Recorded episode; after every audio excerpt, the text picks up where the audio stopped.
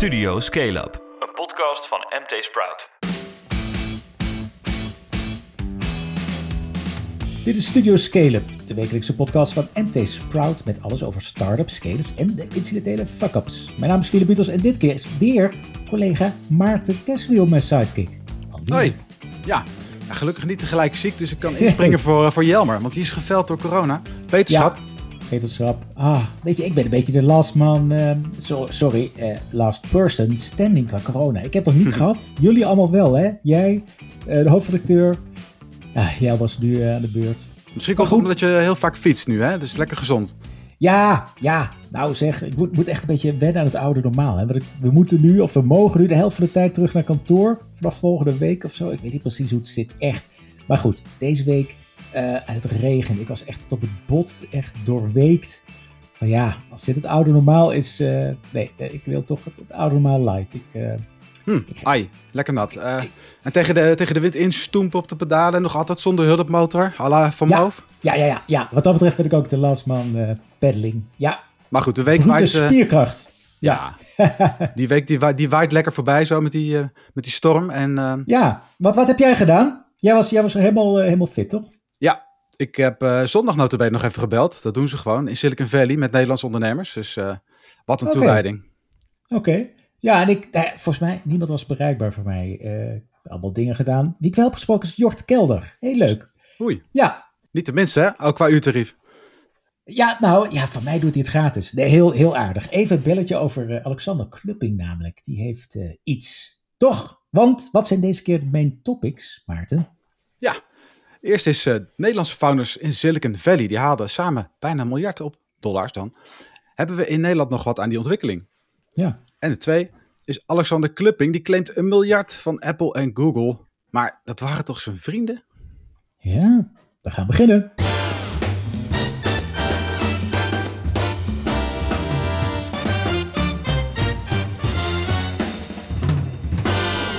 Maar eerst even het laatste nieuws over startups en scale-ups. SPACs, die populaire lege beurshulzen waarmee je een bedrijf makkelijk naar de beurs brengt.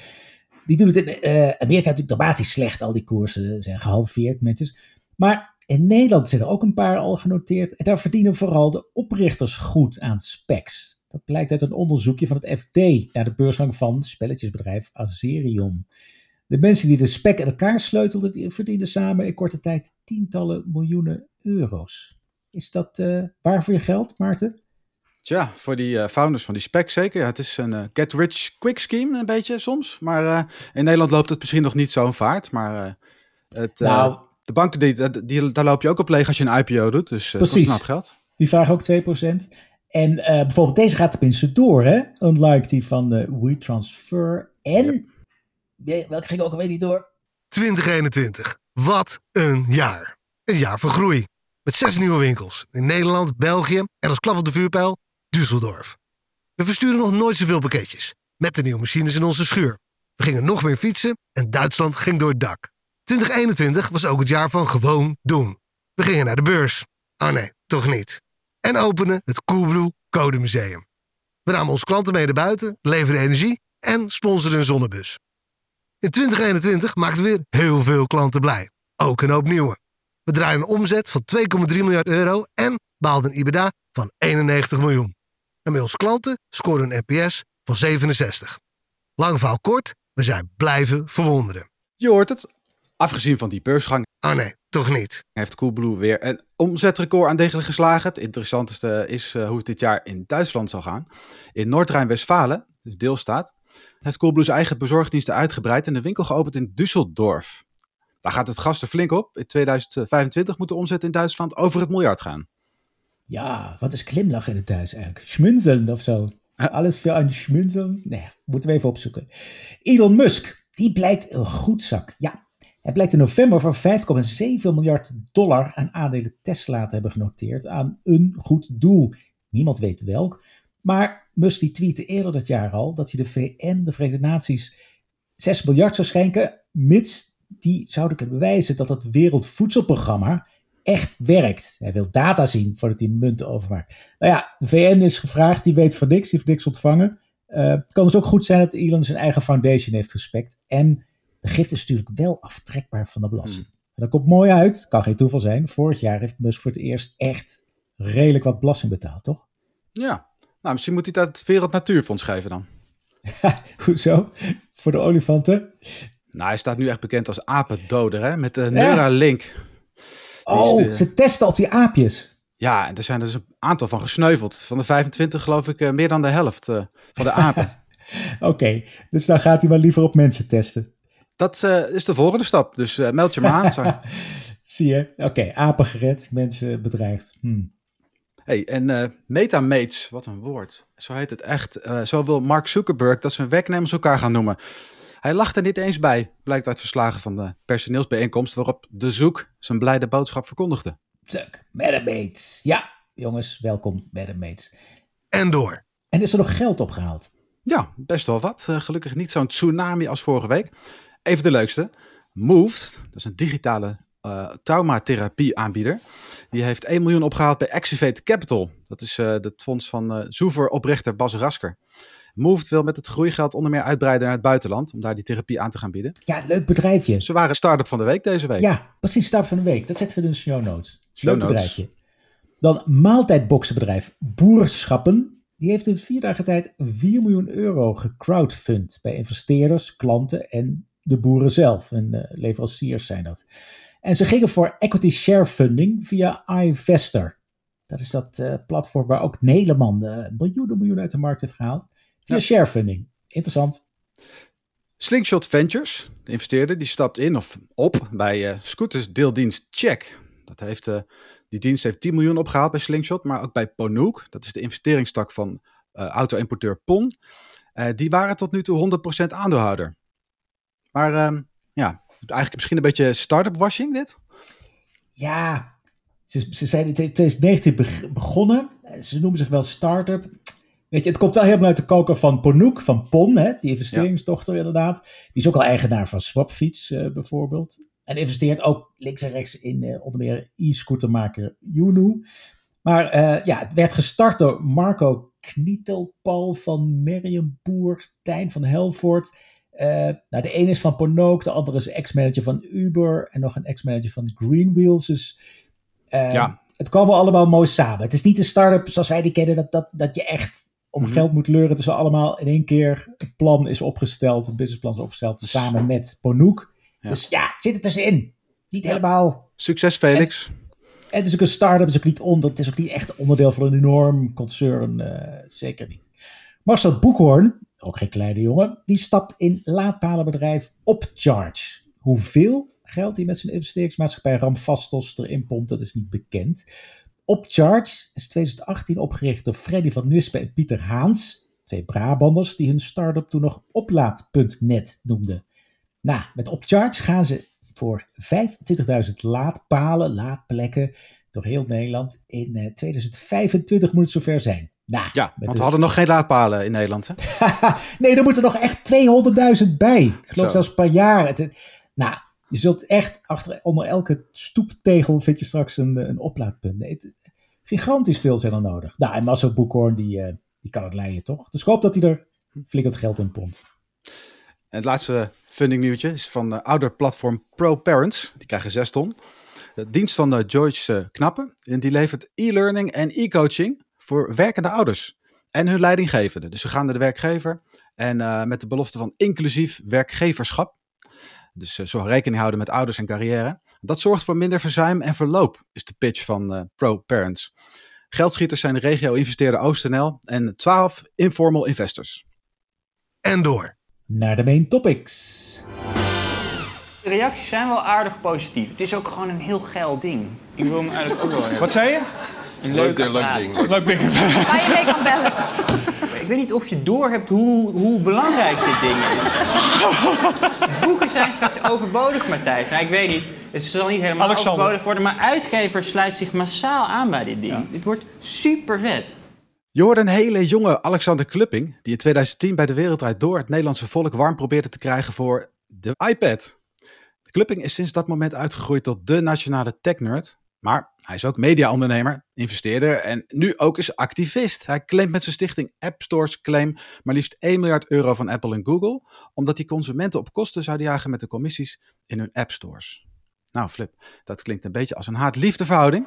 Ja, dat heb je gehoord, hè? Nee, zeker. En terecht. ehm, in het begin, ik bedoel, juist Apple en juist die apps hebben natuurlijk een, een heel mooi model mogelijk gemaakt voor eh, bijvoorbeeld een media, nieuwsmedia, waar, waar Clubbing natuurlijk vanaf het begin heeft ook eh, media en cultuur gestudeerd. Eh, hij is ook gewoon ook journalist en, en, en spreker en lezer en blogger en podcaster. Hij is ook echt een media mens. Ehm, in het begin leek het zich aan te zien dat die iPad en, en de appjes, dat die echt een, nieuw verdienmodel konden opleveren voor kranten hè, en tijdschriften. Die gewoon, nou ja, je had internet, ze hebben zitten suffen jarenlang, was zijn kritiek ook. Eh, maar dankzij apps en iPads gingen mensen toch weer lezen en kon je ook geld vragen voor eh, je producten. Maar ja, al die jaren dat hij ook Blendel heeft gehad, natuurlijk heel bekend, ging 30% van wat je afrekende in de apps of voor de app zelf, dat werd natuurlijk ingehouden als commissie door Apple en Google. Dus- Ja, dus hij heeft een Ja, punt. ja, hoe mooi en hoe veilig en hoe gebruiksvriendelijk die, die winkel ook is. Die App Store met name, maar ook de, de Google Ja. Play Store. Eh, het is allemaal heel mooi. Het wordt allemaal, ge- ja, niet gecureerd, maar wel gecheckt of het allemaal door, door de beugel kan.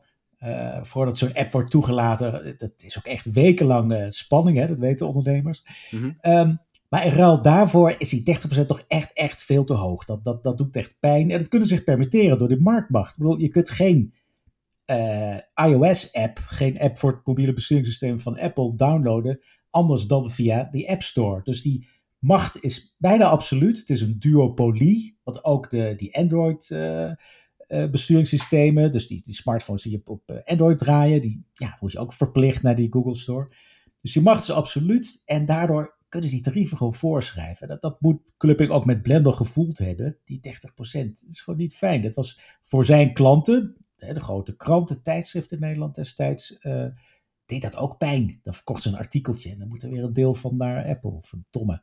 Dus het is een beetje, het Hm. komt laat, maar jij eerder laat dan nooit. Dus Ja. hij, heeft, hij heeft een punt. Ja. Hij is dus al een tijdje weg bij Blendel. En waar doet hij dit dan van? Dat is een flink project. Ja, inderdaad. Blendel is hij, ik denk, eh, hij heeft het verkocht natuurlijk aan die Fransen.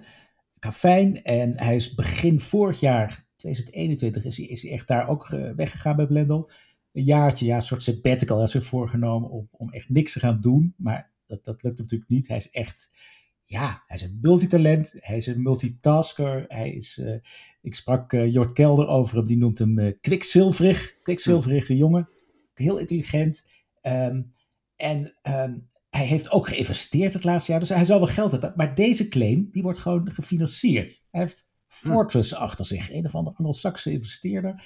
Die investeert in die club, dus in die stichting eh, Apple Store Claims.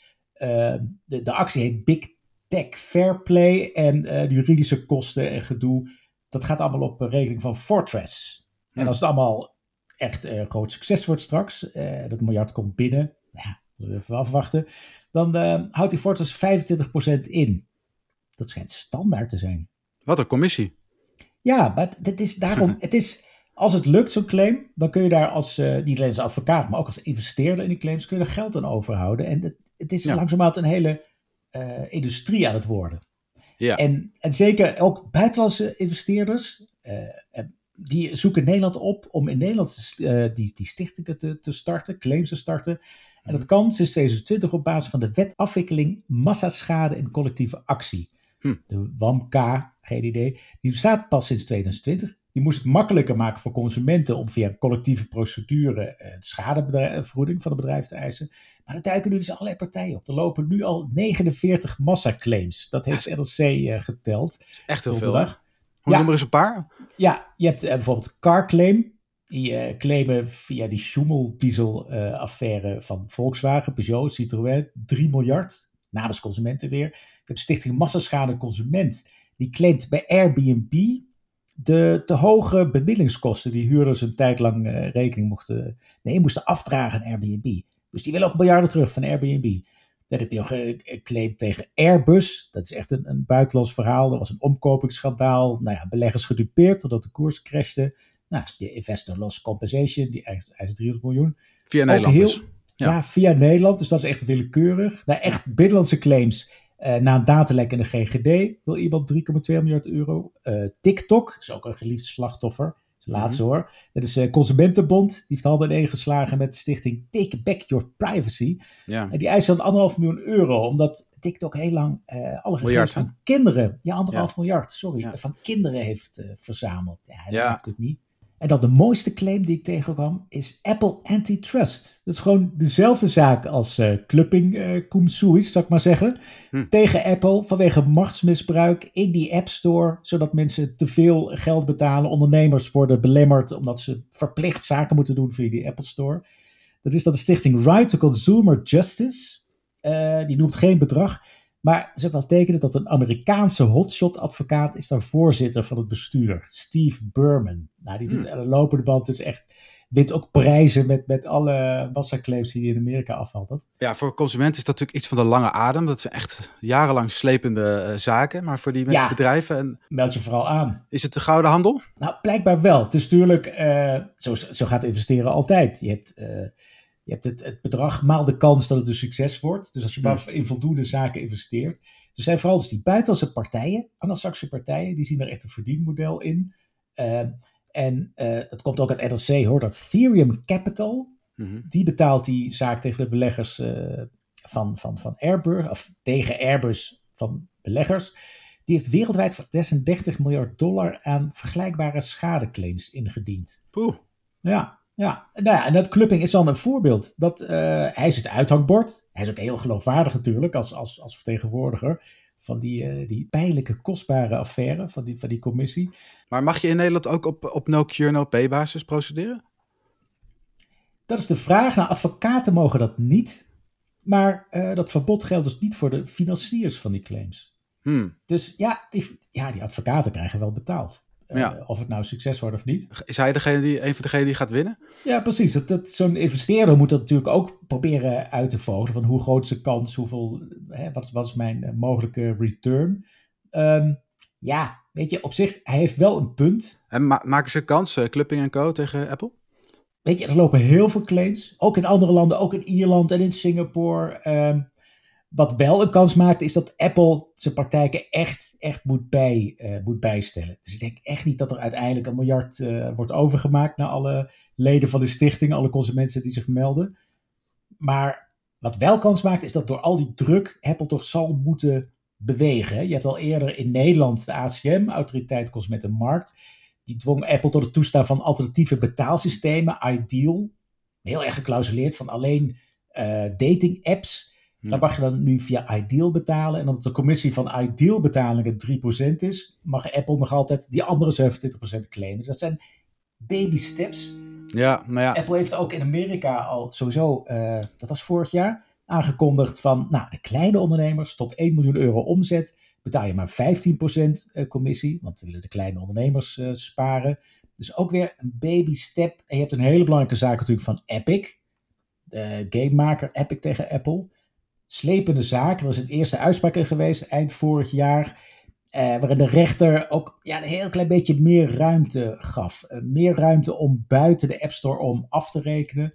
Maar die rechter heeft ook niet gezegd van eh, door die 30% moet een streep. En het moet naar een redelijk tarief. En wat redelijk schijnt te zijn, is iets van 8 of 10%. Weet je, je moet die, ja, die App Store toch managen. Je moet hem veilig houden. Je moet al die apps eh, checken op, eh, op kinderporno want, en, en veiligheid en weet ik veel wat. Dus daar mag een vergoeding tegenover staan. Mhm. Ja, die 30%.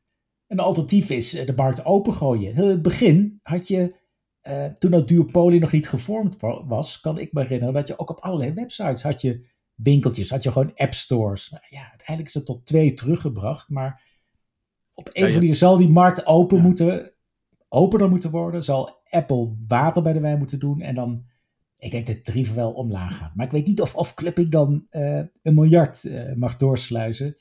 Dat denk ik niet. Hm. Maar weet je wat? Ja. 49 claims, daar kan er best wel één eh, bij. Wij moeten ook zo'n actie starten. Ja, Ja. wat? Ja, nee, dit is een businessmodel. Dus we, je moet iets hebben wat iedereen aangaat. Ja, en- Hè, dat je veel, nou ja, je massa moet je achter je krijgen. Iets wat iedereen kent of zo. Ja, En wat iedereen geld kost. Ja. Ik heb er één, ik heb er één. Pindakaas. Galvee pindakaas. hè? Unilever. Ja.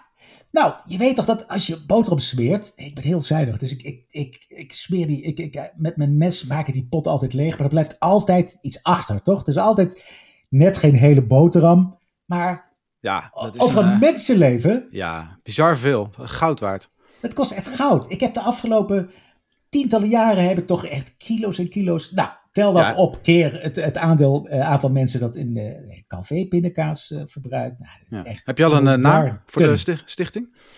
Ja, ja eh, actie Pindakaas Pardon. Eh, de stichting heet Stichting Smeerclaim. Yes. En eh, we sturen aan op een bodemprocedure. Ja, het is een smerig zaakje bij Unilever. En door.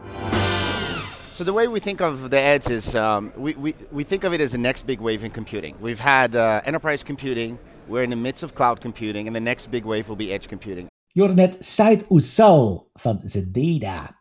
Dat is een van de elf Nederlandse ondernemers, founders, co-founders, die in Silicon Valley het afgelopen jaar met bedrijven daar funding ophaalden. En Zededa dat levert edge computing. Dat is dan eh, data van windmolens, auto's en industrie. Eh, die wordt berekeningen, daarop wordt het niet meer in de cloud uitgevoerd, maar, maar lokaal, on the edge. En ehm, hij en andere Nederlandse co-founders, die waren in 2021 goed voor bijna een miljard dollar aan investeringen. En dat is weer een heel stuk meer dan die 185 miljoen van 2020. Maarten, wie zijn, wie zijn deze mensen? Ja, ik, eh, ik kreeg eh, een lijst door van eh, elf mensen die in Nederland, Nederlandse ondernemers in de Valley, die geld hebben opgehaald vorig jaar. Met een bedrijf daar, hè, met een Amerikaans met een- bedrijf. Ja, ze zijn Ja. daar ges- neergestreken, Ja. hebben daar een be- bedrijf opgericht. Een daarvan was zelfs ooit begonnen als eh, ober, hoorde ik, en uiteindelijk ondernemer geworden. En nou, die halen nu veel meer geld op. En het zijn. Een groep van ongeveer 30 die worden gevolgd daar door Dutch Tech eh, SF, een netwerkclub. Eh, Hm. In die lijst met, eh, met 11 van vorig jaar die geld hebben opgehaald, eh, zitten grote bedragen bij, maar die namen zijn nog vrij onbekend in Ja, Nederland. Zoals eh Commure. Een ja, super eh, ingewikkeld eh, platform voor zorgapps. Dat je dus helemaal compliant volgens de wet je zorgapplicaties kan ontwikkelen op hun backbone. Een beetje alle Ja. Amazon. Eh, dat wordt gerund door een Nederlandse co-founder, Diede van Lamoen. Die Lamoen. haalde vorig jaar een half miljard dollar op. Dus die claimt het grootste deel van dat bedrag. Ja, onze man in de Valley. Ja, Ja. het zijn allemaal best wel hardcore techbedrijven, zoals ook Ja. Zededa die je net hoorde met edge Ja. computing. Ja. We hebben nog eh, Alexander Harmsen, die eh, eh, geeft leiding aan eh, Iris Automation. Dat is Hm. een eh, vision bedrijf, die laten drones eh, veilig vliegen, dus dat ze niet tegen dingen of andere vliegtuigen aanbotsen. Oh, cool. Je hebt eh, Base 5 Genomics, waar Lisa Huizen de, eh, een van de co-founders van is, een Nederlandse co-founder. hey, Eh. een vrouw. Ja, Ja, niet zo opmerkelijk, maar we ik zat weer onze Ja. man in de Valley. Ik dacht al van, Ja. hè, wordt het alleen maar mannen? Cool. Nee, er Lisa zit een dame Huizen. bij. En die is heel goed in het eh, ja, werken met data en eigenlijk eh, bijvoorbeeld eh, algoritmes la- loslaten op eh, genetische informatie. Ja, god, het is natuurlijk echt hardcore dit. Eh, waardoor niet, artsen kunnen dan persoonlijke eh, gepersonaliseerde behandelingen eh, maken met die Oké. kennis. Nou ja, Gaaf. Gaaf. dus. Cool. Ja. En wie, wie, wie, wie, doet dat onderzoek al nu? Eh, je noemde net al eh, Dutch Tech SF. Wat is dat? Ja, ja dat eh, is een verbond, een netwerkclub eh, organisatie waar sinds 2015 Nederlandse ondernemers elkaar ontmoeten in Silicon Valley. Ze gaan samen eten, heel informeel, maar het wordt steeds formeler lijkt het. Data wordt bijgehouden, eh, er is een soort van interne LinkedIn waar ze elkaar spreken, waar je elkaar kan voorstellen en elkaar kan helpen aan contacten. Eh, het is eh, opgericht door Oliver Binkhorst, dat is een, eigenlijk een recruitment expert. eh, die daar, eh, een Nederlander die daar jaren geleden is neergestreken. Oh, en die, die heeft zelf geen miljarden eh, start-up, heet het daar, hè? Wat in Nederland een scale-up heet, is daar een start-up. En Ja. dit is Oliver, die heet vast Olivier of zo. Ja, Iedereen heeft daar een Amerikaanse naam natuurlijk. zeker. Ja, ik sprak ook een, eh, iemand eh, die eh, heette eigenlijk Gert-Jan, maar die heet nu Jake. Ja, zo gaat dat. Jake, Kurt Jan. Dat, eh, nou ja, Ja. oké. En dus zij willen het wat formeler, dus zij willen ook... ehm, Ja. Ik zag ergens dat ze kunnen je ook helpen om Y Combinator binnen te komen. Ja, dat doen ze een Ehm. beetje wat, eh, wat TechLeap ook, eh TechLeap ook probeert. Maar ja, zij zitten Ja. iets dichter op het vuur eh, waarschijnlijk. En eh, nou ja, ze kenden die mensen daar die het al hebben gedaan.